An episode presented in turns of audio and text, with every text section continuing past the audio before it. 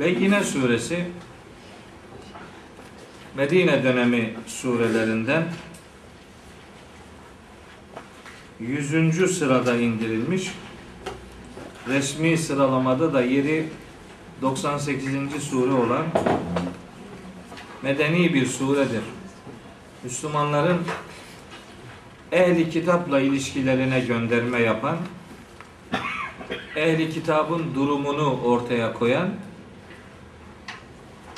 ve onların peygamberimize karşı tutumunu deşifre eden bir içerikle önümüzde durmaktadır. Kur'an-ı Kerim kafir insanların ister ehli kitaptan olsun, ister müşriklerden olsun kendilerine açık belgeler, açık bilgiler özellikle bir risalet öğretisi ulaşmadığı sürece dışlanmayacaklarını, cezalandırılmayacaklarını, onların böyle bir öğreti gelinceye kadar da doğrusu hakkı ve hakikatı bulamayacaklarını, peygamberin gelişinden haberdar olmalarına rağmen onu beklemelerini ifade ederlerken gelen peygamberin peygamberliğini onaylamaktan geri durduklarını ifade eden bir ayet ile başlıyor surenin ilk mesajı. Ve yine bu surenin bu ayetinde peygamberlik, peygamber demektir. Çünkü surenin ikinci ayeti maksadın peygamber olduğunu açıkça ortaya koyuyor. Resulün minallah ifadesi bu konuda hiçbir tereddüt bırakmayacak şekilde meseleyi açıklığa kavuşturuyor. Geçen hafta bir adamın Resul olmasının Allah tarafından görevlendirilmiş olmasına bağlı olduğunu ısrarla vurgulamıştık. Resul olacaksa yani risalet anlamında bir görev icra edecekse bu görevi kişiye peygamber olması için Allah'ın vermesinin zorunlu olduğunu ifade etmiştik. Resulün minallah ifadesi bunu böyle ortaya koyuyor demiştik. Daha sonra ayetin devamında Resulün tebliğ adına ne yaptığını aktarmıştık. Yetlu suhufen mutahharaten. Yetlu peygamber tilavet ediyor. Suhufen mutahharaten arı duru mesajlar tilavet ediyor. Tilavetin ne olduğunu da geçen hafta açıklamış idim. Üç tane anlamının bulunduğunu söylemiştim tilavetin. Bu anlamlardan biri aktarmak, biri tekrarlamak, bir diğeri gündeme almak. Ama bütün bunların toparlayıcısı olarak tilavetin asıl anlamının izini sürmek, peşinden gitmek, takip etmek anlamına geldiğini söylemiştim. Tilavet etmek bir kitabın mesajını takip etmek demek. Kitabı tilavet etmek, kitabın kişiden istediğini yerine getirmek demek. Dolayısıyla tilavet salt bir okuma, salt bir aktarma, sadece bir tekrarlama işi değil, bütün bunları içerecek şekilde tilavet okunan metnin insandan istediği şeyleri kişinin yerine getirmesi demektir. Takip etmek, izini sürmek anlamına geliyor demiştim. Şimdi peygamberlik Allah'ın mesajlarını insanlığa ulaştırmayı bir görev olarak üstlenmek demek olduğu için peygamberlerin peşinden gittiğini söyleyenler yani o misyonu takip edenler de onların yaptığını yapmak durumundadırlar. Yani peygamber risalet anlamında nasıl ki muhataplarına Allah'ın mesajlarını iletiyorlarsa bu misyonu takip edenlerin de insanlara Allah'ın mesajlarını aktarma zorunluluğu bulunduğunu söylemek durumundayız. Yani insanlar kendi kafalarına göre bir şey üretmemelidirler.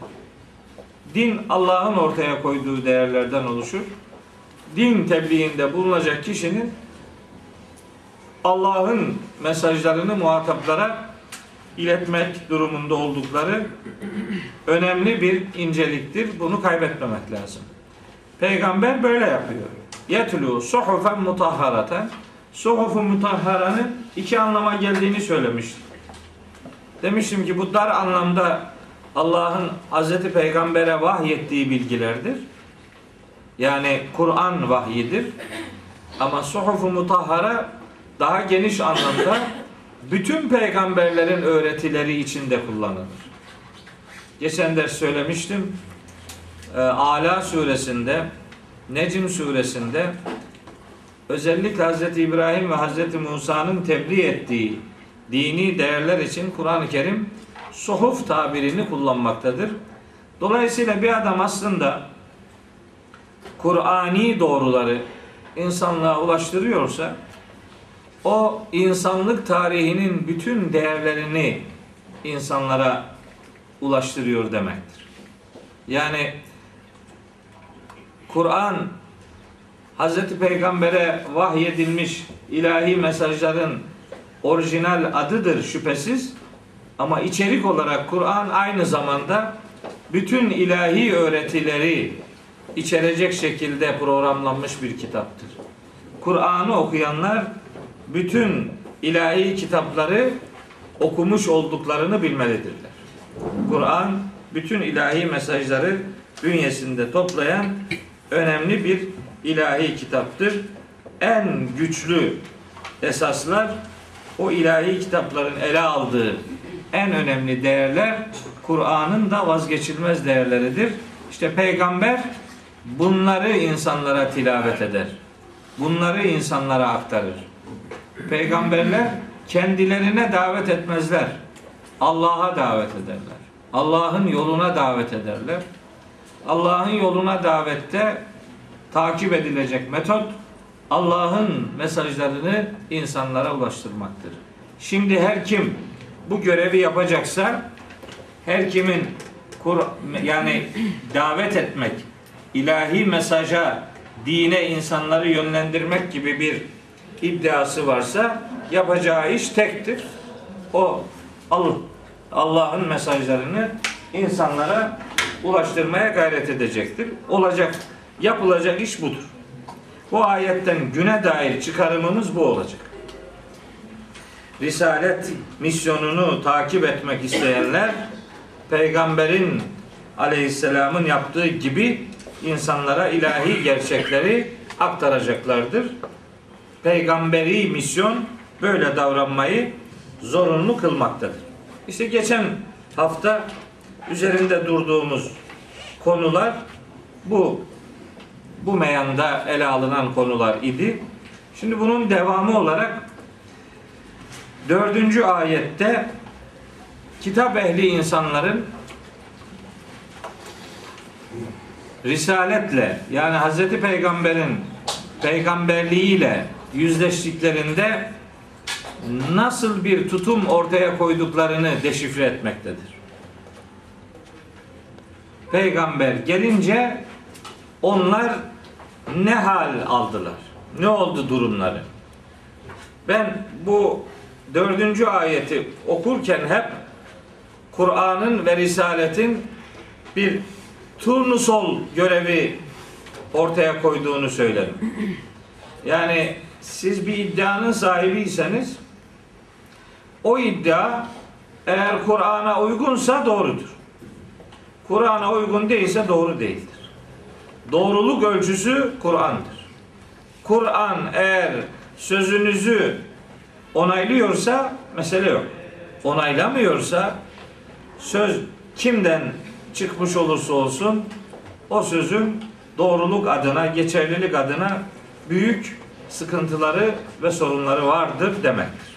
İşte bakın şimdi okuyacağımız dördüncü ayet bu noktada bize şu bilgiyi aktarıyor. Buyuruyor ki Yüce Allah Estağfirullah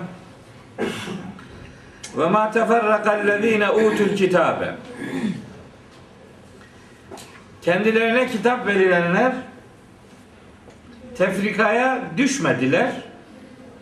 İlla ancak min ba'di ma ca'ethumul beyine. Kendilerine bu beyine dediğimiz açık belge yani peygamberlik öğretisi, peygamberin bizatihi kendisi onlara geldiğinde ehli kitap dediğimiz kendilerine kitap verilmiş olanlar ayrılığa düştüler. Çünkü o zamana kadar hepsi bir anlamda kendi öğretilerini toplu bir değer olarak muhataplara aktarıyorlardı. Sanki aynı çanağa su toplayan adamlarmış gibi aynı değerleri, aynı doğruları, aynı ilkeleri insanlara aktarıyorlarmış gibi bir tutum içerisindeydiler. Ne zaman ki Kur'an geldi, ne zaman ki Hazreti Peygamber geldi, onlara asıl doğruları ortaya koymaya başladı. Bu defa paramparça olmaya başladılar.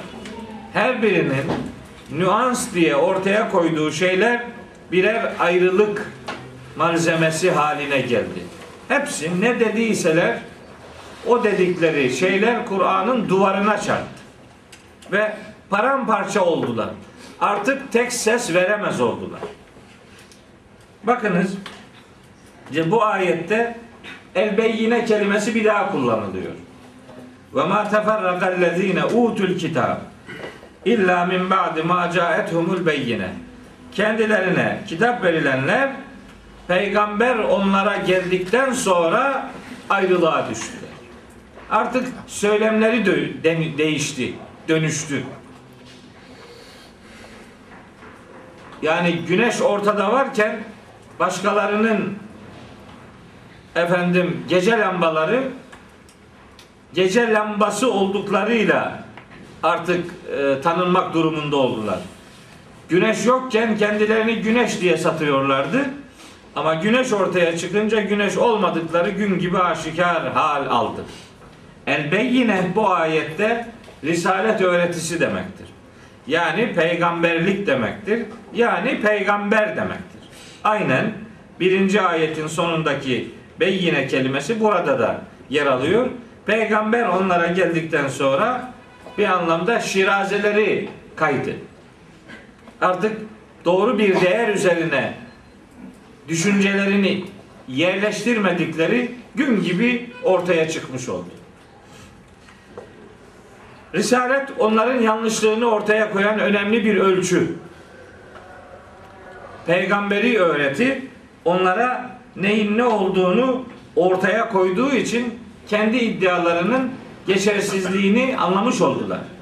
Nitekim bakın hem Bakara suresinin 146. ayetinde hem En'am suresinin 20. ayetinde tekrarlanan bir cümle var. Buyuruyor ki Yüce Allah her iki ayette de aynı ifadeler var. Ellezine ateynahumul kitab kendilerine kitap verdiklerimiz yarifunehu onu tanırlar. Yani Hazreti Peygamberi ya da biraz daha geniş düşünün vahyi, risalet öğretilerini tanırlar. Nasıl tanırlar? Kema yarifune ebnaehum. Kendi çocuklarını tanıdıkları gibi vahyi ve onun tebliğcisi Hz. Muhammed'i tanırlar. Onların peygamberimize aşina olduklarını Kur'an bize haber veriyor zaten. Biliyorlardı peygamberimizin geleceğini aslında bekliyorlardı. Hem Mekke'deki müşrikler bekliyorlardı hem kitap ehlinden olanlar bekliyorlardı ama bekledikleri şahıs peygamber olmayınca düşmanlıklar ortaya çıkmaya başladı maalesef. Ama Kur'an onların psikolojilerini deşifre ediyor. Kendileri kendi çocuklarını tanıdıkları gibi peygamberi de tanırlar diyor.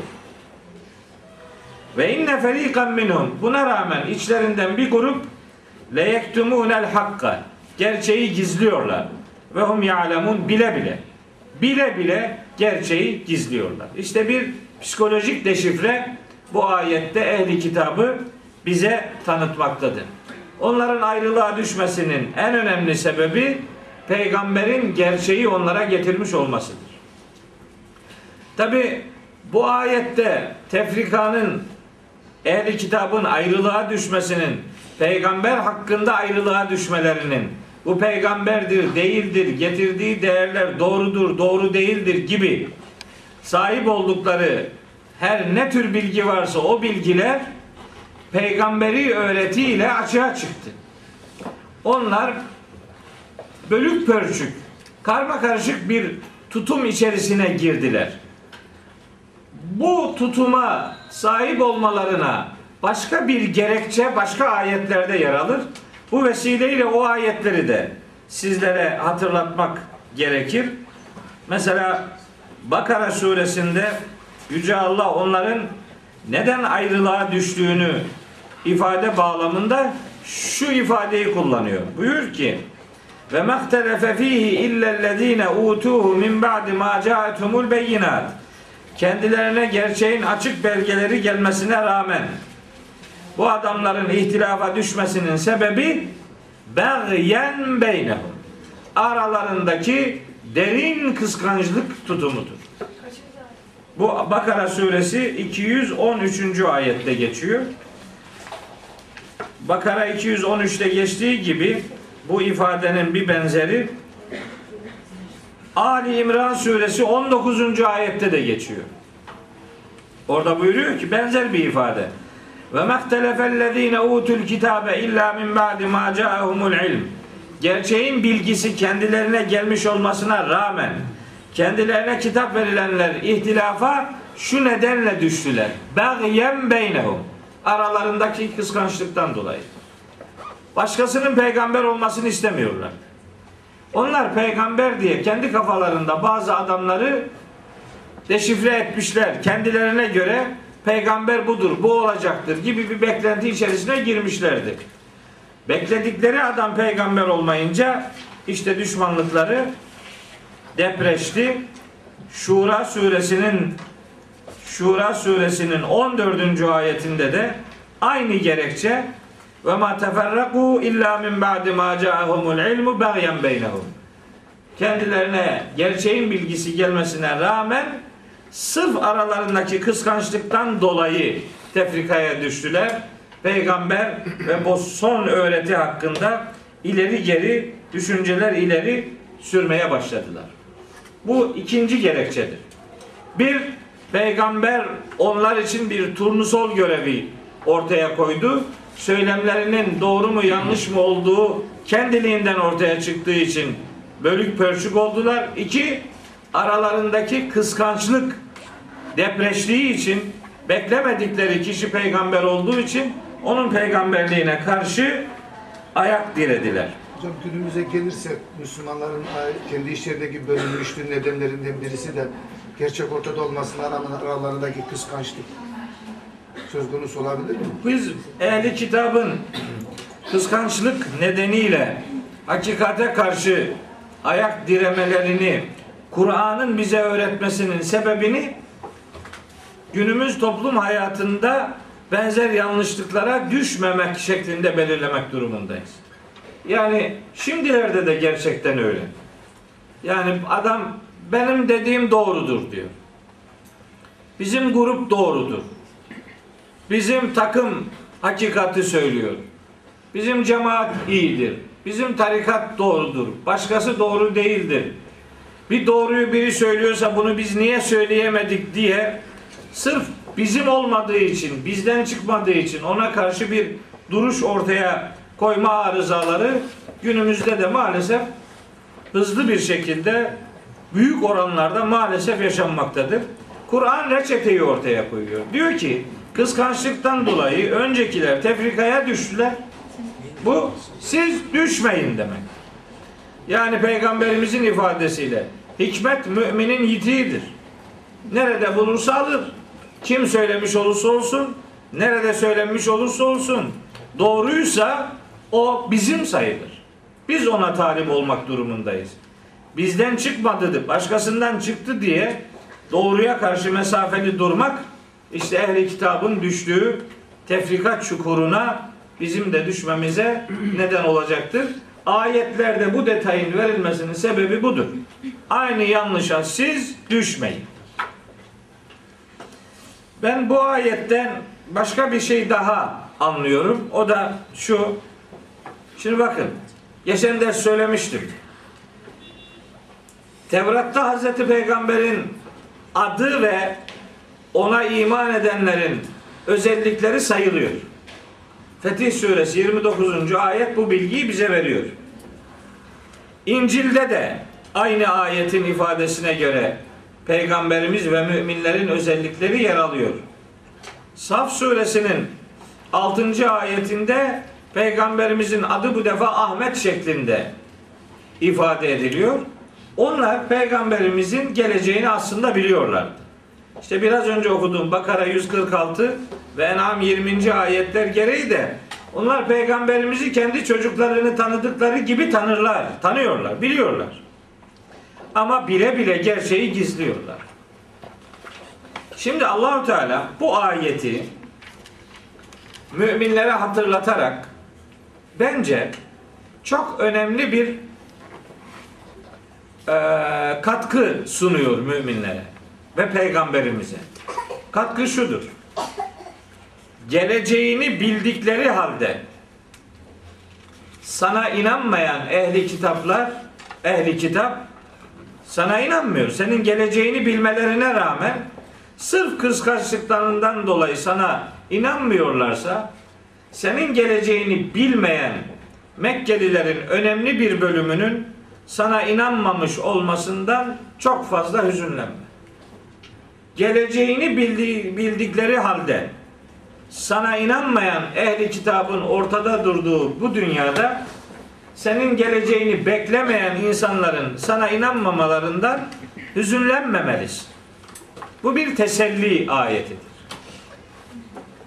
Medine'de ehli kitap yoğun olduğu için onlardan örnek veriliyor.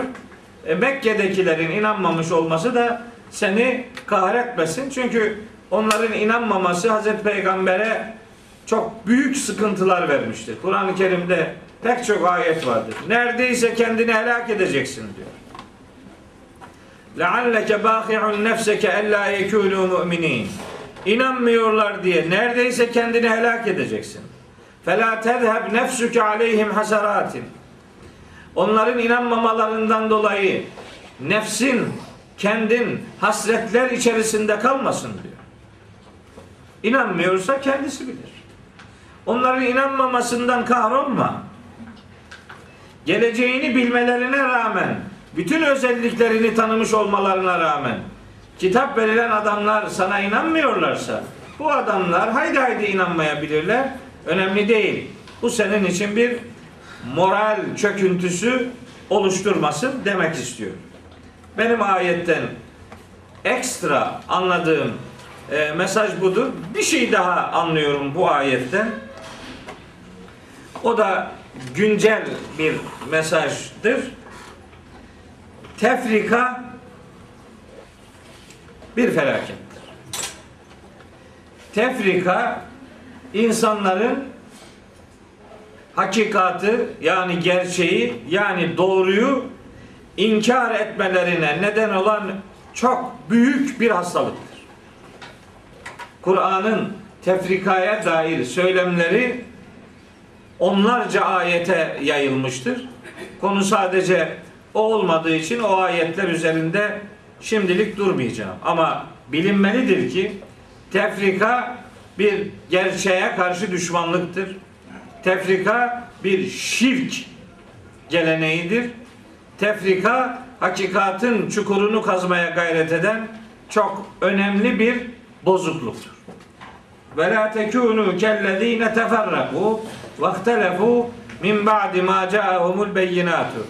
Kendilerine açık belgeler gelmiş olmasına rağmen tefrikaya düşüp ihtilafta bocalayanlar gibi olmayın.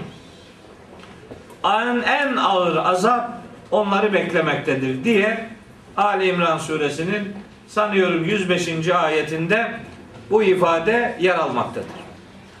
Bu ayet bize tefrikanın ne kadar büyük bir hastalık olduğunu ve hakka düşmanlık tohumlarını toplumun içerisine e, ekmekte olduğunu biz bu ayetin söylemek istediği mesajından anlayabiliriz diye düşünüyorum.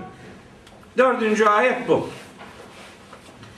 Beşinci ayet işte beşinci ayet ilahi mesajın ruh birlikteliğini ortaya koyan çok önemli bir bilgi vermektedir. Beşinci ayet. İlahi mesaj. Bu ilahi mesajı ta ilk peygamberden itibaren son peygambere kadar insanlık tarihine yaygınlaştırabilirsiniz. Yani sadece Hz. Muhammed, Hz. Musa, Hz. İsa gibi son dönem peygamberleri değil, insanlık tarihi kadar eski bir süreçten söz ediyoruz. Bütün insanlık hakikat adına şu değerlerin muhatabı kılınmışlardı. Üç tane esas üzerinde duruyor Allahu Teala. İnsanlık üç temel değerden sorumlu tutulacak. Sorumlu tutulmuştu. Sorumlu tutulmaya devam ediyor. Bundan sonra da öyle olacak. Üç tane değer. Nedir bunlar? Ve ma umiru ve ma umiru. Aslında onlar emrolunmamışlardı. Ve ma umiru illa. Ma ile illa bir cümlede bulunduğu zaman Arapçada kuraldır. Ma ile illa aynı cümlede iseler cümleye bu bir vurgu manası katar. Ancak ve ancak sadece ve sadece bu başkası değil gibi bir anlam verir. Ma ile illa. Ve ma umiru illa. Onlar sadece ve sadece şunlar, şu davranışlar için emrolunmuşlardı. Şu davranışlar onlara emredilmişti. Kime? Hem ehli kitaba hem bugünün Müslümanına. İlahi öğretinin mesaj ortak noktası işte bu sayılacak üç konudur. İnsanlık tarihi kadar eskidir bu üç değer. Nedir? Şimdi bunları sayacağız. Üç tane. Bir, liya'budullâhe Allah'a ibadet etmeleri onlara emrolunmuştur. Liyabudullah Allah'a ibadet etsinler diye demektir. Allah'a ibadet etmeleri, Allah'a kul olmaları onlara emrolunmuştur. Tabi bu içerikte Kur'an-ı Kerim'de bir sürü ayet söyleyebiliriz. Yaratılışın gayesi Allah'a kulluktur. Zariyat suresinin 56. ayeti mesela da bu konuda son derece açık bilgi verir. Ve ma halaktul cinne vel inse illa liyabuduni. 51. surenin 56. ayeti.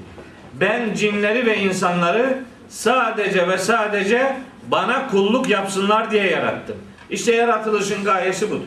Allah'a kul olmak. Bu Hazreti Adem döneminde de böyleydi. Son peygamberin risalet öğretisinde de böyledir. Aynı şey. Hani Fatiha'da da diyoruz ya İyyâke na'budu Ya Rabbi sadece sana kulluk yaparız biz. Allah'tan başkasına kul olmak şirktir. Ne olursa olsun.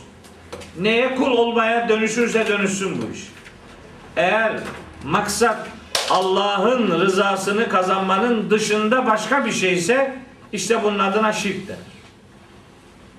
O itibarla insanlık tarihi Allah'a kulluk esası üzerine vahiy öğretileriyle şenlik tutulmuştur. İlla liyabudullah. Allah'tan başkasına kulluk yapmayacaklar. Kul inni ümirtu en a'budallaha diyor peygamberimize Cenab-ı Hak. De ki ben sadece Allah'a kul olmayla emrolundum. Zümer suresinin 11. ayeti. Zümer 11. Kul inni ümirtu en a'budallaha. Tek Allah'a ibadet yapmakla emrolundum. İnnemâ ümirtu en a'bude rabbe hâzihil belde. Sadece bu şehrin Rabbi olan Allah'a kul olmakla emrolundu. Neml suresinin 91. ayeti. Daha bir sürü ayet var. O ayetlerin sayısını e, arttırmaya çok gerek görmüyorum. Dolu. Yaratılışın gayesi Allah'a kul olmaktır ve selam. Mesele bu. Sadece Allah'a kulluk. Başkasını araya sokmamak ve kulluğun adresini başka tarafa yönlendirmemek bu kulluk dediğimiz görevin olmazsa olmaz özünü teşkil eder. Şimdi Allahu Teala bunun böyle olması lazım geldiğini iki kavramla desteklemektedir bu ayette. Tek Allah'a kulluğun çok önemli bir görev olduğunu şu iki kavramla desteklemektedir. Nedir? Muhlisine lehuddine. Evet işte dini sadece Allah'a ait kılarak yani din denen şey Allah'ın gönderdiğidir. Bu imanı itiraf ederek. Dinde ihlas bir anlamda samimiyet demektir. Bir anlamda dini sadece sahibine ait kılmaktır. Zümer suresinde pek çok defa geçiyor bu. Diyor ki mesela Fa'budillaha muhlisan lehu'd-din. Dini Allah'a ait kılarak ona kulluk yap. Ela dikkat edin. Lillahi dinul halisu. Surenin üçüncü ayeti. Dikkat edin. Yani Zümer suresi 2 3. ayetlerde geçiyor. Ela dikkat edin. Lillahi dinul halisu. Arı duru din sadece Allah'a ait olandır. Lillahi ed-dinul halisu. Lillahi kelimesinin öne alınması gene bir vurgu manası vermek içindir. Ela ed-dinul halisu lillahi. O cümlenin aslı odur. Ama cümlenin elemanlarında bilerek yer değiştirmek cümleye bir vurgu katmayı sağlar. Lillahi dinul halis. Dikkat edin. Arı duru din sadece ve sadece Allah'a ait olandır. Muhlisan lehud din, muhlisine lehud din, ed-dinul halis ifadeleri Allah'a dini sadece Allah'a ait kılmayı öğreten önemli bir bildirimdir, önemli bir inceliktir. Mesela bizim din tebliğinde de bu ayete çok ihtiyacımız var. Niye? Biz dini insanlara anlatırken Allah'ın gönderdiği dini insanlara anlatmak durumundayız. Fed'ullaha muhlisine lehuddin. Mümin suresinin 14. ayetidir. Fed'ullaha siz Allah'a çağırın. Muhlisine lehuddin. Dini sadece Allah'a ait kılarak işte Allah'a davet edin. Yani kendinize davet etmeyin. Grubunuza, taraftarlarınıza, arkadaş çevrenize değil. Allah'a çağrınız Allah'a olsun. Peygamberimiz böyle yapmıştı. Ve da'iyen ilallahi bi izni. Allah'ın izniyle Allah'a davet eden kişidir Hazreti Peygamber. Ved'u ila rabbik. Rabbine davet et. Ud'u ila sebili rabbik. Rabbinin yoluna davet et. ifadeleri Kur'an'da davetin Allah'a ve onun yoluna yapılmasını zorunlu kılan ifadelerdir. İşte biz muhlisin lehuddin ifadesini davette de yani tebliğde de Allah'ın dinine Allah'ın dinini Allah'a ait kılarak davetimizi ona göre şekillendirmek durumundayız. Muhlisine lehuddin fed'ullaha muhlisine lehuddin ayetiyle de buluşturulur. Hem kavrayışlarımızı Allah'ın gönderdiği şekilde belirleyeceğiz. Hem davetimizi dini Allah'a ait kılarak gerçekleştireceğiz. İnsanların görüşlerini din diye satmayacağız. Kişinin kendi kanaatine din süsü vermesine kanmayacağız. Din Allah'ın gönderdiğidir ve Resulullah'ın yaşadığıdır. Bu önemli ölçüyü kaçırdığı zaman insanlar çeşit çeşit din sunumlarıyla yüz yüze gelirler. Bundan kurtulmak mümkün değil. Bu defa benim anlattığım doğrudur, öbüründe arıza vardır deyip birbiriyle kıskançlık histerisine tutularak yarışmaya ve birbirini boğazlamaya kadar iş gider. Bazı mezheplerin çıkmasının sebebi budur. Mezheplerin önemli bir bölümü siyasi çekişmelerden doğmuştur. Şimdi ehli sünnet, şia, mutezile, bilmem cebriye, cehmiye böyle bu inançta mezhepler bu çekişmenin sonucudur. İktidara kızan bir yorum ortaya koyuyor. İtikadi yorum. Sonra o yorumu benimseyenler hak ehli oluyor. O yoruma karşı bir tereddüt ortaya koyanlar bidat ehli oluyor. O ona öyle diyor, öbürü öbürüne öyle diyor. Hep birbirini aynı cümlelerle paylıyorlar. Bu doğru bir tutum değil. Onun için Allahu Teala bir hakemin etrafında buluşulsun diye kitabını göndermiştir. Tartışma yapılmayacak tek kaynak Allah'ın kitabıdır. Siz doğrunuzu bunun oluruna sunarsanız bu sizi çaresizliğe terk etmeyecektir. Biz davetimizi dini Allah'a ait kılarak şekillendirmek durumundayız. Bizim görevimiz budur. Muhlisine lehuddin işte bu demektir. Dininde ihlas olacak. Hem bu din, dinde ihlas hem kişinin samimi olması demektir. Hem de dini sahibine ait kılmak demektir. Muhlisine lehu ona ait kılmak eddine. Dini sahibine yani Allah'a ait kılarak kulluk yapacaksınız. Nasıl biliyor Cenab-ı Hak bizim nasıl arızalar içerisinde bulunacağımızı? Nasıl biliyor namaz kılarken bile Allah'ı değil başka varlıkları düşündüğümüzü? Nasıl biliyor Allah'a ulaşmak için araya bir şeyler sokuşturacağımızı?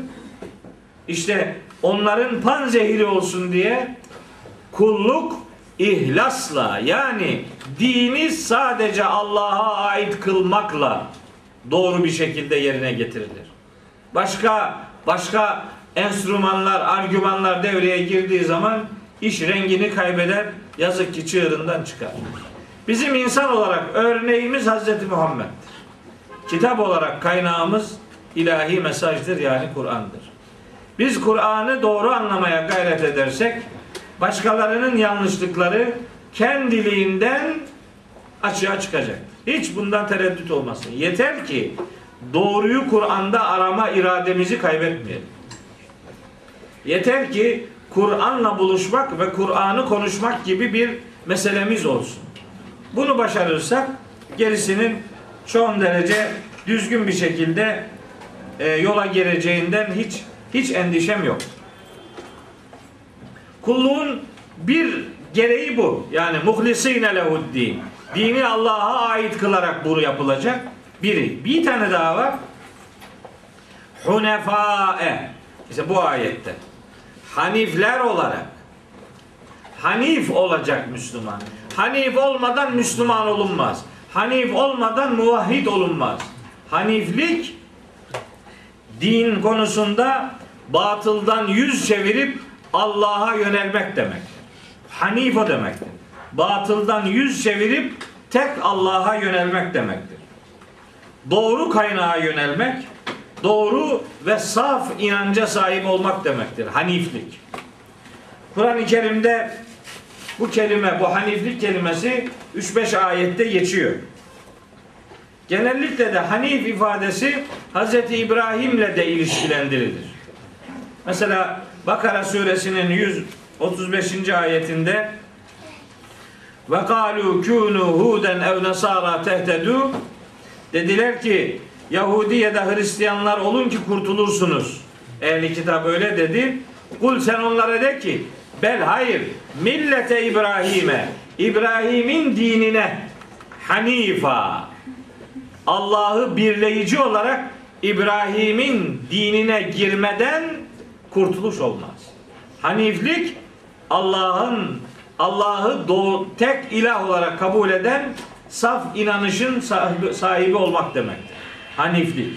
Doğru bir değere, saf bir inanca sahip olmak, batıldan yüz çevirip Allah'a yönelmek haniflik diye ifade edilir Kur'an'da. Mesela En'am suresi 161. ayette de geçer bu. Gene Hz. İbrahim'in misyonuyla buluşturularak bakın şöyle nefis bir ayet var. Buyuruyor ki kul de ki En'am suresi 161. ayet. De ki inneni hedani rabbi Rabbimdir beni doğru yola ileten. Hangi yol? İla sıratı müstakim. Hakikatin dost doğru yol aldığı esaslara, sırat-ı müstakime beni hidayet eden, yönlendiren Allah'tır. Dinen kıyamen, en güçlü dine, en sağlam dine, yani millete İbrahim'e, İbrahim'in dinine, yani Hanifa, Hanifliye. Kaç tane yani kelimesi kullandık bakın. Hedani Rabbi ila sıratın müstakim. Bu dinin bir adı sırat-ı müstakimdir. İki, dinen kıyamem. En güçlü değerlerin yer aldığı din demektir. Üç, millete İbrahim, İbrahim'in misyonunu takip etmek. Dört, hanifa, haniflik yani batıldan yüz çevirip Allah'a yönelmek demektir. Allah'ın bizi yönlendirmek istediği yol işte haniflik yoludur. Kur'an bu yola değişik ifadeleriyle bizi yönlendirmektedir diyelim. Nahl suresi 120. ayette de benzer bir ifade var. Ama şurada Rum suresi 30. ayeti hatırlatmakla yetinmiş olayım. Buyuruyor ki Yüce Allah, bakın orada da geçiyor İnsanın fıtratını Allah haniflikle buluşturuyor. Bu çok önemli. İnsanın fıtratı haniflikle buluşturularak tanıtılıyor. Buyuruyor ki فَاَقِمْ وَجْهَكَ لِدِّينِ hanifa. İşte sen yüzünü, gönlünü, benliğini, varlığını dine, Allah'ın kanunlarına çevir. Nasıl nasıl bir kanun bütünüdür bu? Hanifa. Batıldan yüz çevirip hakka yönlendirmeyi sağlayan bir dindir bu din. Yani hangi dindir? Fıtratallahilleti fataran nase aleyha. Allah'ın insanları üzerinde yarattığı fıtrat dinidir işte bu haniflik. Haniflik fıtratla buluşmaktır. Fıtrat nedir? Fıtrat insanın hidayetidir. Geçen burada mı söyledim, nerede söyledim bilmiyorum. Hidayet kavramı Kur'an'da çok önemli bir kavramdır. Hidayet kavramı. İnsanlar hidayet denince akıllarına sadece din adına doğru yolu bulmak anlamını getiriyorlar. Hidayet insanlar için budur. Doğrudur. Ama insanlar için hidayet budur. Halbuki bütün varlıkların hidayeti vardır Kur'an'ın ifadesine göre. Her varlığın kendine göre bir hidayeti vardır. Yağmurun hidayeti yağmasıdır. Rüzgarın hidayeti esmesidir. Kuşların hidayeti uçmasıdır. Efendim bulutlarınki işte gölge yapması, yağmur oluşturmasıdır. Ne bileyim ağaçlarınki yeşermesi, büyümesi, meyve vermesidir. Toprağınki bitki üretmesidir vesaire. Yani yaratıklar ne için yaratılmışlarsa yaratıklar, mahlukat ne için yaratılmış ise onların yaratılış gerekçesine uygun olarak biçimlendirilmelerine hidayet derler. Her varlığın hidayeti yaratılış amacı doğrultusunda programlanmasının adıdır.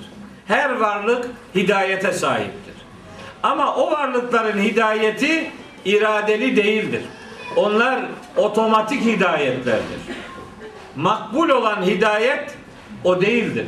Makbul olan hidayet insandan beklenen fıtratla, haniflikle, tevhidle buluşmayı sağlayacak olan hidayettir. İnsanın hidayeti fıtratıyla buluşmasıdır. Fıtrat insanın tek Allah inancına sahip olacak şekilde programlanmasının adıdır. Fıtrat insanın tek Allah inancına sahip bir şekilde programlanmış olmasına derler fıtrat. İşte bunun bir adı da hanifliktir. Bu haniflik yaratılışın gayesiyle buluşmayı ifade eder. O itibarla Allahu Teala işte bu ayette evrensel olarak insanlık tarihi kadar eski bir gerçeğe işaret ediyor. Buyuruyor ki bütün insanlar tek Allah'a ibadet yapmakla emrolundular. İki değeri unutmadan. Bir, dini Allah'a ait kılacaklar. İki, hanifler olacaklar.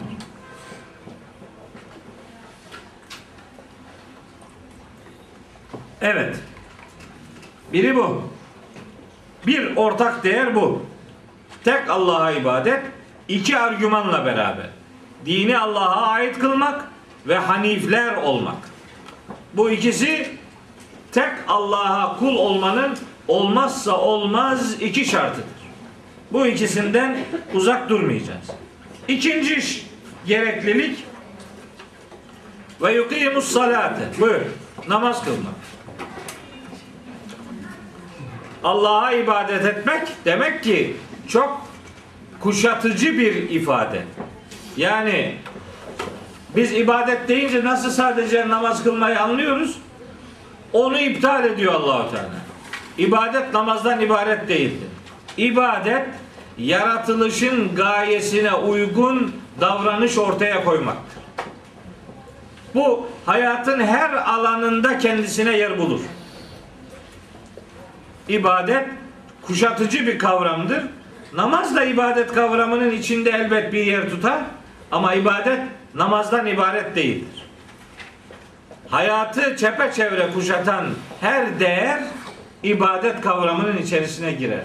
Biliyorsunuz ibadetler iki başlıkta ele alınır. Bunlardan biri hasenat, biri salihattır. İbadet ikisini de içine alan bir geniş çer yani kapsam oluşturan bir kavramdır. Şemsiye bir kavramdır. Evet, namaz kılacaklardır. E, ve yukimus salate namazı ikame etmek demek. Namazı ikame etmek demek namazı kılarken namazın da seni kılması demek. Namazı ikame etmek demek hayata namaz şuuruyla bakmak demektir. Hayatı namazın gözüyle görmek demektir. Bir anlamda hayatı namazın organize etmesi demektir. Hani namaz başka o başka filan bu ayrımlara itibar etmediğimizi söyleyelim. Namaz başka öbürü başka değildir. Öbür yanlışlıkları yapmamak namazı doğru kılmayla ancak mümkündür. Allah namazın etkinliğini Kur'an'ında öyle tarif etmiştir. Biz haşa Allah'a yeni bir şey öğretecek durumda değiliz. O ne diyorsa o. İşte namaz insanları kötülüklerden alıkoyacak şekilde programlanmış bir ibadetin adıdır. Biz öyle inanırız, öyle görürüz, öyle görmek zorundayız. Bu ayetteki namaz ifadesi kendi içinde de ayrıca bir bedensel ibadetler toplamını ifade eden bir şemsiye kavramıdır. Yani namaz ibadeti bu dinde var da başka bir ibadet yok anlamına almayın. Yukimus salate bedensel ibadetleri ifade eder. Bunun içerisine oruç da girer yani. Bedensel ibadet kavramının içine bu ayetin muhtevası doğrultusunda diğer ibadetleri de sokabiliriz. Sonra ve yutuz zekate üçüncüsü de zekat vermek. Bu da işte ekonomik içerikli ibadetler. Biri bedensel içerikli ibadetler, biri ekonomik içerikli ibadetler. Yani zekat var da infak yok mu? İnfak var da fitre yok mu? Fitre var da fidye yok mu? Fidye var da sadaka yok mu? Hepsi var işte. Birine bedensel ibadetler kavramını, birine de ekonomik, mali ibadetler ifadesini uygun görerek hayatı çepeçevre kuşatan bir müdahale mantığının dinlerde bulunduğunu söyleyebiliriz. Bütün dinler yani bütün dinler ifadesi de yanlış aslında yani. Bütün dinler diye bir şey yok. Bir tane din var. E, Bütün dinlerde ne nasıl bütün dinler?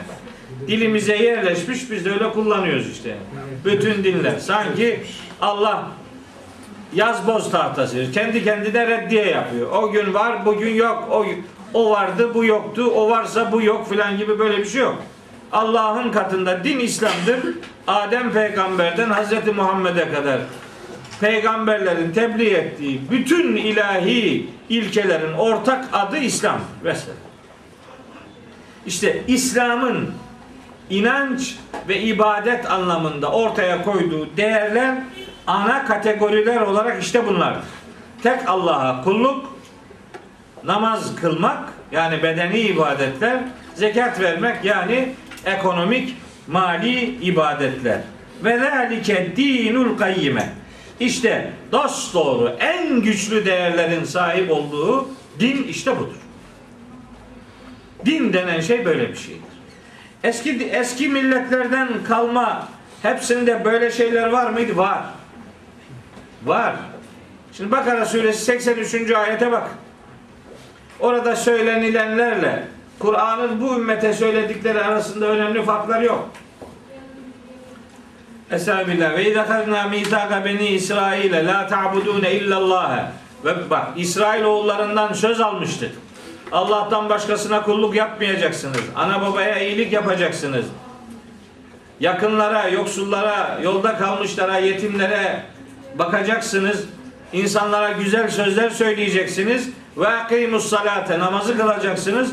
Ve atüz zekate zekatı vereceksiniz. İsrail oğullarından alınan sözün 10 madde başlığı o ayette aynen Kur'an'ın ortaya koyduğu ilkelerle birebir örtüşmektedir. Mesela çarpıcı olsun diye size söyleyeyim. Mesela En'am suresinin 82. ayeti var. En'am suresi 82. Orada Allahu Teala peygamberleri sayıyor. Bir sürü peygamberin adını sayıyor. İşte ve tilke hüccetuna ateyna İbrahim ala kavmine ve vehebna lehu İshak ve Yakub küllen hedeyna ve Nuhan hedeyna min qablu ve min zürriyeti Davud ve Süleyman ve Eyyub ve Yusuf ve Musa ve Harun ve kedâke nezzil muhsinin ve Zekeriya ve Yahya ve İsa ve İlyas küllü mine salihin ve İsmail ve Yes'a ve Yunus ve Luda ve küllen faddalna alel alem dolu. Bir sürü peygamberi sayıyor, sayıyor, sayıyor, sayıyor. Bak 82. ayetten itibaren saymaya başlıyor. Geliyor, geliyor, geliyor. 90. ayete geliyor. En'am suresi çok önemli bir ayet grubudur bu ayet. Risaleti doğru tanımlamak için çok önemli bir ayet grubudur bu. Peygamberleri sayıyor sayıyor sonuna geliyor. Diyor ki buyuruyor ki Yüce Allah. Ulaike işte bunlar var ya bu sayılan peygamberler. Ellezine hedallahu kendilerine Allah'ın hidayet ettiği insanlardır bunlar. Hidayetle buluşturulmuş insanlardır bunlar. Febi hudahum sen de onların hidayetine iktedi. Sen de onların hidayetine uy. Aynı hidayet değerleri senin içinde söz konusudur diyor Allahu Teala. İşte peygamberler baba bir kardeşlerdir diyor peygamberimiz bunun için. Aynı misyonun sahipleridirler. Aynı yaratıcı onları görevlendirmiştir. Birine ak dediğine öbürüne kara çevirmez. Bir gün geçerli kıldığını öbür gün iptal etmez. İlahi dinlerde, inanç birliklerinde, ibadet uygulamalarında öz itibariyle farklılık yoktur. Ekonomik hayat itibariyle bazı hükümlerde diyelim dinin şeriat kısmında ara ara hüküm değişiklikleri olabilir. Bu da şartların zorunluluğunun sonucudur. Yoksa dinin özünde, inanç esaslarında ve olmazsa olmaz değerler anlamında din din kavramı değişiklik kabul etmez. Hazreti Adem, Hazreti Muhammed ikilisinin içerisinde kalan sayısını bilemediğimiz belki yüz binlerce peygamber aynı değerleri insanlara sunmuşlardır. Onun için Beyyine suresindeki üç temel değeri insanlık tarihi kadar eski üç değer olarak isimlendiriyorum. Bu gerekçelerden dolayı. Başka şeyler de söyleyebilirim size. Mesela Araf suresinin açın 156. ayetini bakın fesektubuha İsrailoğullarından söz ediyor. Biz rahmeti yazacağız. Lillezine yettekune muttaki insanlara ve yutune zekate zekatı verenlere Vellezine hum bi ayatina yu'minune. Ayetlerimize iman edenlere. Yani zekat kavramı bu ümmete özel bir kavram değildir. Eski ümmetlerde de zekat kavramı vardı. Namaz kavramı bu ümmete özel değildir. Eski ümmetlerde de vardı. Hazreti İsa'yı düşünün. Meryem suresi 31-32. ayetleri okuyun. Bak orada göreceksiniz. Kale inni abdullahi. İsa aleyhisselam dedi ki ben Allah'ın kuluyum. Ataniyel kitabe. Bana kitap vermiştir. Ve cealeni nebiyya. Ve beni peygamber yapmıştır. Ve cealeni mübareken eyne ma küntü. Bulunduğum her yerde beni kıymetli kılmıştır. Ve evsani bis salati ve zekati ma dumtu hayya. Hayatta olduğum sürece namaz kılmayı ve zekat vermeyi Allah bana emretmiştir. Bak namaz ve zekat Hazreti İsa'da da var. Yani bu ortak değerdir. Herhangi bir farklılıklara çok müsait bir duruş ortaya koymak durumunda değiliz. İşte mesela Hazreti Şuayb'a kavminin söylediği namazın mı sana şöyle şöyle yapmamızı emrediyor işte orada da namaz var yani. Onlarda da var. Tabi o ayetteki salat kelimesi özel olarak namaz demek değil. Aslında salat kelimesi tavrını Allah'tan yana yaslanarak, Allah'a yaslanarak tavrını belirlemek demektir. Salatın asıl anlamı budur. Allah kime yaslandığını bilmek demektir salat. Namaz da salatın bir parçasıdır ama başka ibadetler de salat kavramının içine girer. Bakın dün söylemiş miydim bilmiyorum ama bugün mutlaka söylemem lazım. Şura suresinin 13. ayetinde Allahu Teala bize din diye neyi sunduğunu öğretiyor. Buyuruyor ki: "Şer'a leküm mined dini ma vassa bihi Nuhan." Size şeriat olarak, kural olarak, hukuk olarak belirlediğim şey Nuh'a da şeriat yaptığım şeydir diyor. Yani Nuh'a hangi ilkeleri öğrettiysem size de aynısını öğrettim. İbrahim'e de, Musa'ya da, İsa'ya da aynı şeyleri öğrettim. Dini ayakta tutun, dinde tefrikaya düşmeyin. Bütün peygamberler tarihinin özeti işte din misyonunun birlikteliğini aynı değerlerden oluştuğunu ortaya koymaktır. Son bir ayet daha söyleyerek burayı geçeyim. Bakınız Hac suresinin son ayeti var. Hac suresi. Orada buyuruyor ki Yüce Allah ve cahidu fillahi hakka cihadi. Allah yolunda olması gerektiği gibi fedakarlık yapın. Huve semmâkümül müslimine. Size Müslüman adını Allah koymuştur. Ne zaman? Min kablu. Daha önce. Daha önceden de bizim adımız Müslümandı ve fi hala şimdi de.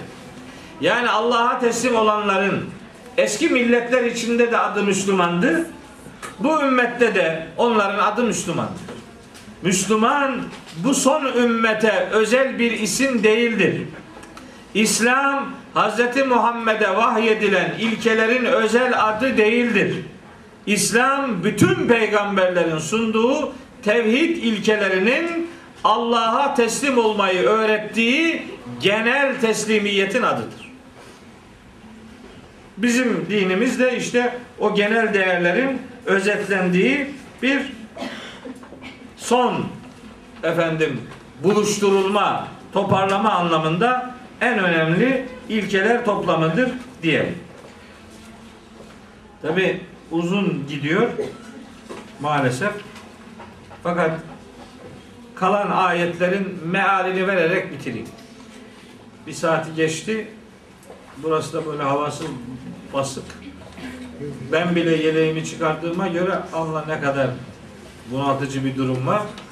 Ama e, olsun birkaç ayeti daha mealen bitirip bu sureyle ilgili konuşmalarımız sona ermiş olsun. İşte evrensel üç ayetlik duyuru.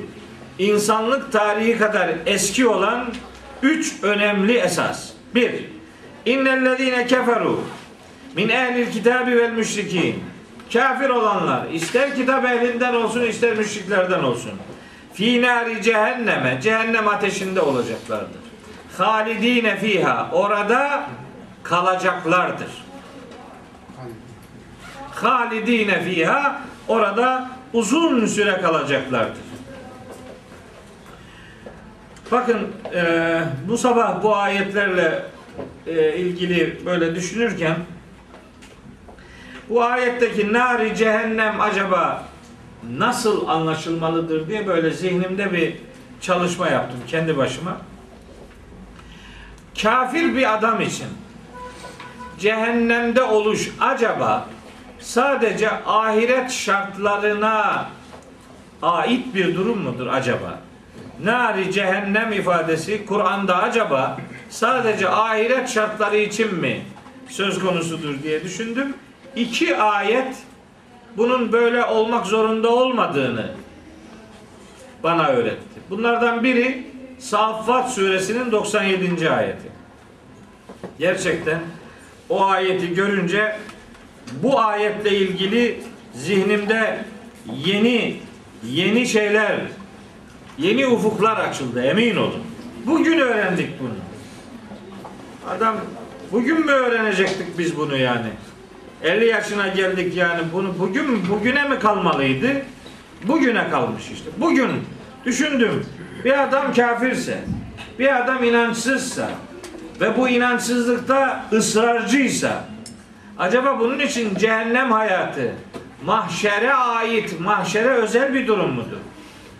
Çünkü ben biliyorum ki Kur'an-ı Kerim'de kim Allah'ın kitabından yüz çeviren bir hayat yaşarsa onun için dar bir hayat vardır diyor. Değil mi? Ve men a'rada an zikri fe inne lehu ma'işeten danka. Onun için dar ve sıkıntılı bir hayat var. Dar ve sıkıntılı hayat cehennemi hayattır. Acaba cehim, cehennem kelimeleri mahşer dışı bir alemle mesela dünya ile ilişkilendiriliyor mu diye böyle e, düşündüm. Bir baktım ki Saffat suresinin 97. ayetinde işte bu ayet tam bana yetişti. Hz. İbrahim ile ilgili diyorlar ki galubnu lehu bunyanen onun için bir bina yapın. Yani bir yer yapın. Rahat oturacağı bir yer değil hani. Ceza verecekler de onun için. Hani ateşe atılıyor ya. İşte. Diyor ki onu diyorlar ki onun için bir bina yapın. Feelkuhu ve onu atın. Fil cehimi cehenneme atın. Cehim kelimesi dünyadaki ateşi ifade ediyor bu ayette. Saffat 97. ayette. Cehim dünyadaki ateşi ifade ediyor. Eğer öyleyse nari cehim de dünyadaki bir sıkıntıyı ifade edebilir. Çünkü vahiden uzak hayat zindan içeren bir hayattır. Öyle her ne kadar şaşalı görüntüler varsa da onların içinde nice fırtınaların koptuğunu Kur'an bize haber veriyor. Sen onların memleket memleket sefahat içerisinde dolaştıklarına bakma diyor. Bu iş değildir. Onların hayatı da sıkıntıdadır aslında, ölümleri de sıkıntıdadır. Yani böyle bakınca ayete bu defa aklıma Tekasür suresi geldi. Orada da orada da bu bu konuda önemli bir bilgi var. Hani el hakimut tekasür sizi mal ve çocuk e, çoğaltması o kadar oyaladı ki hatta zürtümül mekabir ölene kadar bu işle meşgul oldunuz hatta mezarlıkları gidip saymaya bile işi vardırdınız. Kella hayır. Sevfe ta'lemune. Zamanı gelince gerçeği öğreneceksiniz. Sümme kella sevfe ta'lemune. Yine yine tekrar tekrar bu yaptığınız tutumunuz yanlıştır. Gerçeği zamanı geldiğinde öğreneceksiniz. Kella dikkat edin. Lev ta'lemune ilmel yakini. Siz eğer gerçeği yakini bir ilimle bilseydiniz yani tam bir kavrayışla gerçeğin farkına varmış olsaydınız dünya hayatında leteravunnel cahime nasıl bir ateşin içinde olduğunuzu görürdünüz. Mal ve çocuk çoğaltma yarışı dünya hayatında insan için bir ateştir. Siz nasıl bir ateşin içinde olduğunuzu görürdünüz. Sümme leterevunneha. Sonra o ateşi zaten göreceksiniz. Aynel yakini, aynel yakin olarak onu mahşerde göreceksiniz. İlmel yakin olarak ateşi görmek dünyadaki oluşturulan sıkıntılardır. Ortalık şimdi mal biriktirmek için dünyayı ateşe çevirmediler mi? Mal, ekonomik çıkarları için dünyayı cehenneme çevirmedi mi insanoğlu? İşte o cehennem hayatı zindan eden anlayışların tutuşturduğu ateşin adıdır. O itibarla küfür ve şirk içerisinde bulunmayı tercih edenler mahşerde zaten cehennemde olacaklardır. Ama onlar dünya hayatlarında da cehennemi yaşayacaklarını, yaşamakta olduklarını bilmelidirler. Ulaike hum işte bu adamlar var ya şerrul beriye. Beriye hem varlık anlamına geliyor hem canlı anlamına geliyor. Bu adamlar varlıkların da canlıların da en şerlisidirler. Evet. İnnellezine Kur'an'da hep söylüyorum. Böyle mesanilik anlatımı vardır. Yani mesani neydi? İkişerli, ikircikli anlatım. Bir şeyi tersiyle anlatmak, zıddıyla anlatmak. Yani cehennemden söz ediyorsa bilin ki önünde sonunda cennetle ilgili bilgi vardır. İşte geliyor. İnnellezine amenu ve amilus salihat. İman edip salih amel işleyenler ulaike hum hayrul beriye. Onlar da canlıların, varlıkların en hayırlısıdırlar. Salih amelin ne olduğunu söylemiştim size.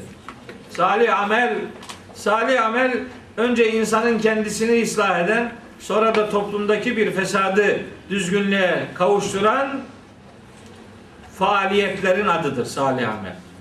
Bunlara salih amel denebilmesi imanla yapılmasına bağlıdır. İmanla yapılmıyorsa o işlere salih amel demezler. iyilik derler. Salih amel adını alması için bir davranışın onun Allah'a inanarak ve Allah'ın rızasını umarak yapılmış olması gerekir. İbadetler iki kavramla karşılanır. Bir hasenat, namaz, oruç, hac, zekat gibi. Yok zekat değil. Namaz, oruç, hac gibi, kurban gibi. Bir de salihat vardır, ıslah edici davranışlar. Onlar da toplumsal bir fesadı ortaya çıkmış ise onu giderici her türlü güzel faaliyetin adıdır salih amel. İman edenler ve bunun sonucunda salih amel işleyenler de yaratılış amacını gerçekleştirenler oldukları için varlıkların ya da canlıların en hayırlısı olacaklardır. Adem peygamberden mahşer sabahına kadar bu böyledir. Evrensel gerçekliktir işte bu. Salih amel sahibi olanlar ödül olarak neyle buluşturulacaklar? İşte son ayet onu veriyor. Cezauhum inde rabbihim. Rableri katında onların cezası ceza Arapçada karşılık anlamına gelir. Özel anlamı budur. Bağlama göre bazen azap manası verir, bazen iyilik manası verir. İşte burada iyilik manası verir. Cezauhum inde rabbihim. Onların Rableri katındaki ödülleri Cennet-u Adin'in, Adin cennetleridir. Adin demek durulmaya değer cennetler demektir. Tecrimin tahtihel enhar, altlarından ırmaklar akıyor olacaktır. Halidine fiha orada kalıcı olacaklardır. Ebeda, ebediyen orada kalacaklardır. Kafirler için olan ayette ebed kelimesi yok. Müminler için olan da ebed kelimesi var. Bu iki ayet bağlamında cennette kalış süresinin cehennemdekinden daha uzun olduğunu söylesek bir yanlış yapmayız. Ama cehennemde kalış süresiyle ilgili de ebed kavramının kullanıldığını da biliyoruz. Dolayısıyla biz Kur'an'ın ebed dediği şeyin ne olduğunu bu salonda birkaç defa anlattık. Şimdi bir daha o konuya girip meseleyi uzatmak istemiyorum. Şu kadarını söyleyelim. Ahiret şartları müminler için elbette ödüllerle dolu olacaktır. Ve mutluluk verici bir mekanın içerisinde bunlar ebediyen insanlarla buluşturulmuş olacaklardır. Niçin bunlar böyle ödülle buluşturulacaklar? Çünkü radıyallahu anhum ve radu anhum. Allah onlardan razı olmuştur. Onlar da Allah'tan bunu şöyle tercüme ediyorlar canım sıkılıyor tercümeye. Allah onlardan razı olmuştur. Onlar da Allah'tan razı olmuşuz. Sen kimsin de Allah'tan razı oluyorsun? Yani ben bu ayeti şöyle tercüme ediyorum. Allah onlardan razı olmuş, onlar da Allah'ın nimetinden memnun olmuşlardır. Kula düşen memnuniyettir. Razılık falan değil. Razı olmak üst, üstün bir makamın düşüktekine hissettiği duygudur. Razı. Ben babamdan razıyım. Çok iş oldu yani. Babandan razısın. Razı olmasan kaç yazar yani. Baban senden razı mı? Sen ona bak. Senin ondan razı olman. Hocamdan razıyım. Yok. Hocan senden razıysa ölçü odur yani. Radıyallahu anhum ve radu ben öyle tercüme ediyorum. Hatta daha farklı bir şey daha da söylüyorum. Ama biraz kafa karıştırıcı oluyor ama bu salon bilir. Kafa karışıklığı rahmettir. Karışmayan kafadan hayır gelmez. Bir kafa karışmıyorsa o kafa kafa değildir. O bir kütüktür. Karışacak ama karışık kalmayacak. Radıyallahu anhum ve radu anhu. İnsanlar Allah'ın Allah'ın onlara yönelttiği emir ve yasaklarını yerine getirmekten memnun oldukları için yani insanlar görevlerini yaptıkları için Allah onlardan razı olmuştur. Allah'ın razı oluşu müminin görevini yapmışlığı şartına bağlıdır. Ben veradu anhtaki vav harfini atıf edatı olarak değil, vavı haliye olarak kabul ediyorum. Allah'ın razı oluşu kulun fedakarlık şartına bağlıdır. Ya- Yani yani yani ya, meallerden farklı bir şey söylediğim için belki bir farklılık olsun. İlle de kıyameti koparacak bir karışıklık değil tabi. Zalike işte bu ödül limen haşiye rabbe. Rabbine derin saygı duyanlara ait bir ödüldür. Haşyet Allah'a derin saygı duymak demektir. Haşyet yara korkulan varlığın yüceliğini, korkanın acizliğini ifade eden bir derin saygı duygusuna derler. Haşyet. Dolayısıyla ileri düzeyde saygınlık. Fatır suresinde Yüce Allah buyuruyor. İnnemâ yakşallâhe min ibâdihil ulema. Kulları içerisinde Allah'a gerçekten saygı duyanlar alim kullarıdırlar. Haşyet ilmin sonucudur. Eğer gerçekten alimse bir adam onun duygusu haşyettir. Haşyet geçin arkada yer olur. Bunlar ilahiyat fakültesine bu sene gelmiş öğrencilerden birkaç tane daha vardı burada. Aslında onlara okulda dedim ki cumartesi derse gelin pek gelmedi. Adam diyor hafta içi seni görüyoruz. Yeter. Bir de hafta sonu seninle mi uğraşacağız? O duyguyla gelmiyorlar. Bence gelseler hiçbir şey kaybetmezler. Kendileri bilirler. Evet.